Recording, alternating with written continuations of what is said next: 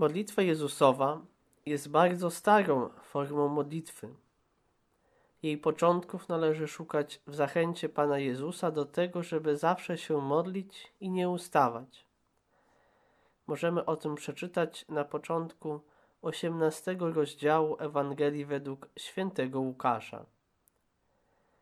Podobnie pisał o tym również święty Paweł w pierwszym liście do Tesaloniczan w rozdziale 5, zachęcając, aby nieustannie się modlić. To wezwanie, czy jak niektórzy ojcowie mówili, nakaz modlitwy nieustannej, nie dawało spokoju bardzo wielu mnichom. Nie wiedzieli oni, w jaki sposób jest możliwe spędzanie całego czasu na modlitwie. Wydaje się to po prostu niemożliwe. Nie rozumieli w pełni wypowiedzi Jezusa i dlatego bardzo różnie rozumiano to zalecenie i było wiele prób odpowiedzi na nie. Możemy spojrzeć na różne rozumienie wezwania do modlitwy nieustannej spośród znanych autorów chrześcijańskich. Orygenes, żyjący na przełomie II i III wieku, pisał, że obowiązek ten jest spełniony wtedy, gdy ktoś z konieczną pracą łączy modlitwę, a z modlitwą pracę, ponieważ praktyka cnoty i wierność przykazaniom liczą się za modlitwę. Dlatego modlitwą nieustanną należy nazwać całe życie chrześcijanina. Nie jest to zatem kwestia tego, ile czasu przeznacza się na praktykowanie, ale jak pojmuje się życie chrześcijańskie zdaniem Orygenesa. Przykazania określają zasady moralne, które ukazują wartość dobra i chronią przed zniewoleniami. Bycie wiernym tym przekazaniom pozwoli ukształtować wewnętrznie uporządkowane życie. Orygenes zatem twierdzi, że jeśli za modlitwy uznamy wszelkie działanie sprawiedliwego, które wypełnia on zgodnie z wolą Bożą i zgodnie z Bożym nakazem, bo przecież sprawiedliwy nieustannie wykonuje to, co jest sprawiedliwe, to tym samym sposobem sprawiedliwy będzie się modlił nieustannie i nigdy nie przerwie modlitwy, chyba że przestanie być sprawiedliwym. Bo jeśli czynimy coś niesprawiedliwego albo popełniamy uchybienie, to jasne, że w tej samej chwili przestajemy się również modlić.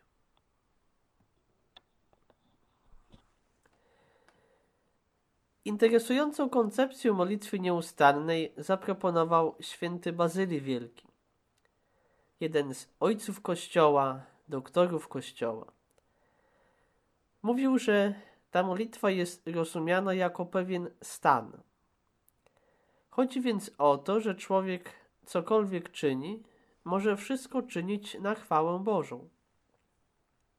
Zatem każde dzieło, słowo czy modlitwa mogą stanowić formę modlitwy. Stała pamięć o Bogu będzie oznaczała nieustanną modlitwę. Bazylii stwierdza, modlitwa stanowi prośbę o dobro skierowane do Boga. Nie ogranicza się jednak do samych słów. Stwórca przecież wie, co jest dla nas pożyteczne nawet gdybyśmy go nie prosili. Nie trzeba mu o tym przypominać. Co chcemy przez to powiedzieć? To, że nasza modlitwa nie powinna kończyć się na słowach.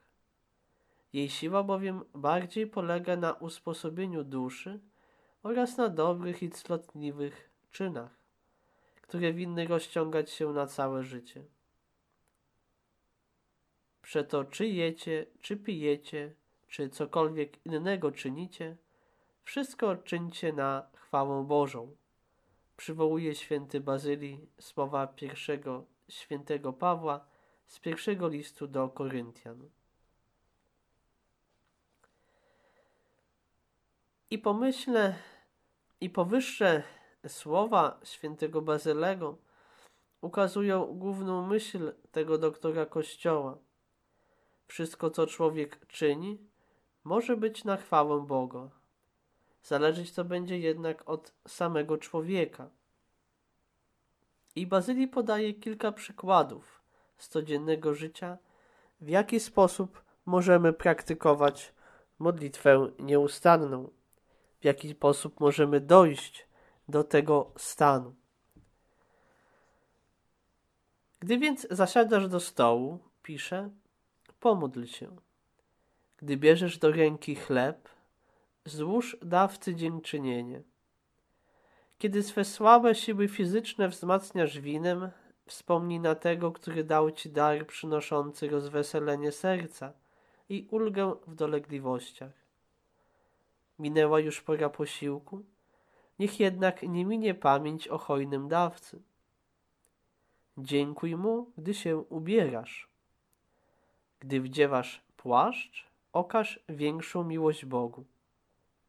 On bowiem użyczył nam stosownego odzienia na zimę i lato, dzięki czemu chronimy swoje zdrowie i okrywamy ciało.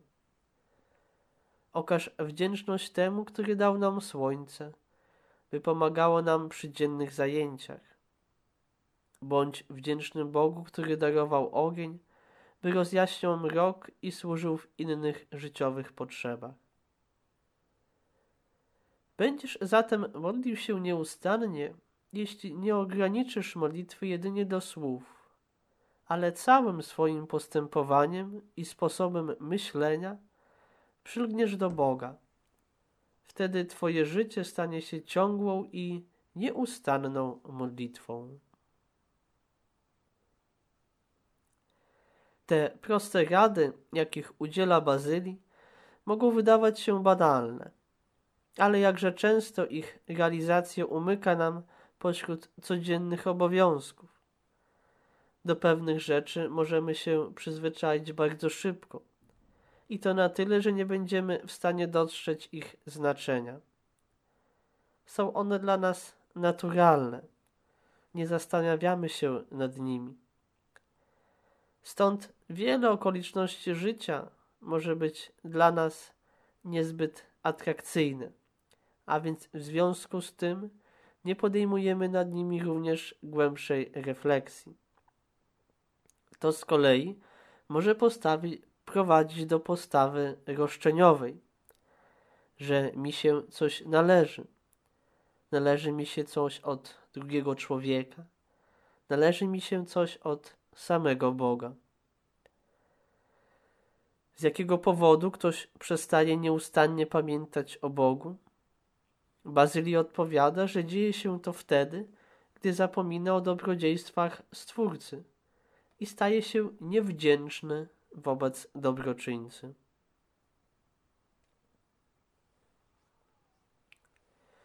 Modlitwa Jezusowa jako sposób realizowania modlitwy nieustannej ma prowadzić człowieka do przylgnięcia do Boga.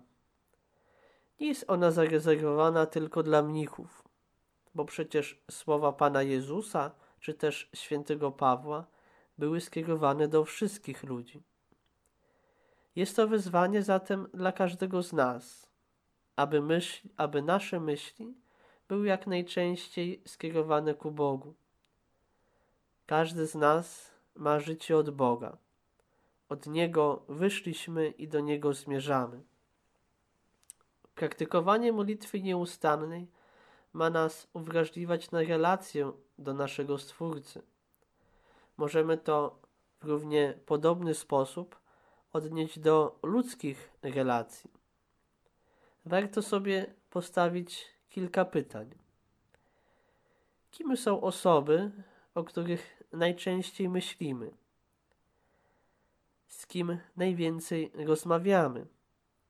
Z jakimi osobami najchętniej spędzamy czas? Jak ważne dla nas są te osoby? A jakie miejsce pośród tych osób zajmuje sam Jezus?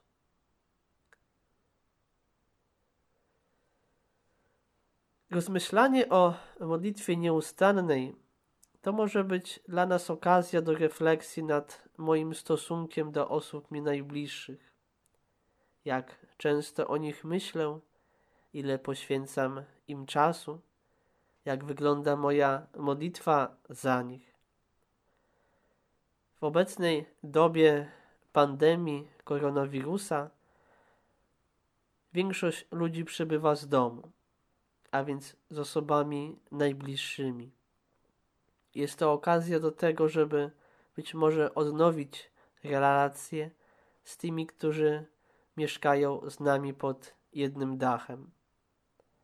Może warto podjąć głębszą refleksję nad tymi osobami, z którymi, z którymi na co dzień żyję, przebywam, rozmawiam. Nasz Zbawiciel wzywa nas do nieustannej modlitwy ponieważ On cały czas o nas pamięta i nieustannie ma nas na uwadze. Ciągle o nas myśli, bez przerwy przy nas jest, ale także pragnie naszego bycia przy Nim. Modlitwa nieustanna może być udziałem każdego wierzącego, nie tylko benedyktyna, mnicha czy innego zakonnika. Jeden z największych autorytetów w monastycyzmie zachodnim, święty Jan Kasjan, również pisał o modlitwie nieustannej. Zgodnie z jego relacją, Abba Izaak powiedział: A zatem, jeśli chcecie zawsze pamiętać o Bogu, Powtarzajcie nieustannie następujące wezwanie. Boże, wejrzyj ku wspomożeniu memu, Panie, pośpiesz ku ratunkowi memu. Nie bez znaczenia stałego skarbca Pisma Świętego wybranie właśnie to jedno, albowiem mieszczą się w nim wszystkie uczucia, jakie rodzą się w człowieku. I bardzo dobrze można je zastosować w każdym stanie duszy i w każdej pokusie. Właśnie wspomniane słowa Boże wejrzyj ku wspomożeniu memu, Panie pośpiesz ku ratunkowi memu, weszły do liturgii godzin. Zawdzięczamy to świętemu Benedyktowi, które, który w regule dla mnichów właśnie polecił, aby każdą godzinę kanoniczną rozpoczynać od tego wersetu. I dzisiaj wszyscy którzy modlą się liturgią godzin, rozpoczynają czy to godzinę poranną, czy to godzinę wieczorną, czy godzinę w ciągu dnia, właśnie od wezwania Boże wejrzyj ku wspomożeniu memu, Panie pośpiesz ku ratunkowi memu. Zdaniem Jana Kasjana to wezwanie jest dobre dla każdego i w każdej sytuacji Pomaga przezwyciężyć pokusy, a także kierować myśli ku Bogu, aby umysł jak najczęściej o nim pamiętał. Tak zostaniemy wprowadzeni w stan nieustannej modlitwy. Więc zatem zdaniem tego świętego pisarza to słowo, które podaje do ciągłego powtarzania, może być niezbędne i pożyteczne w każdym położeniu. A ten, kto we wszystkim oczekuje pomocy, okazuje, że nie tylko w chwilach ciężkich, smutnych, trudnych, ale także w chwilach radosnych nie może się obejść bez Bożej opieki. Z tych pierwszych wszak tylko Bóg może wyzwolić, tym drugim zaś tylko On może zapewnić trwałość. Albowiem ludzka słabość tak w szczęściu, jak i w nieszczęściu potrzebuje Jego wsparcia. Jan Kasjan na końcu rozmowy z Abba Izaakiem podaje jeszcze jedną, bardzo ważną wskazówkę dotyczącą modlitwy. Niewiele modli się ten, kto modli się tylko wtedy, gdy klęczy, a w ogóle nie modli się ten, kto klęcząc ma serce pełne rozproszeń. Jacy więc chcemy być podczas modlitwy, tacy musimy być przed nią, albowiem jakość modlitwy zależy od stanu, który ją poprzedza. A więc ważne jest to, co robimy przed rozpoczęciem modlitwy, co znajduje się w naszym umyśle, co znajduje się w naszym sercu. Jeżeli nas, nasz umysł jest zajęty różnymi sprawami, to modlitwa jest praktycznie niemożliwa.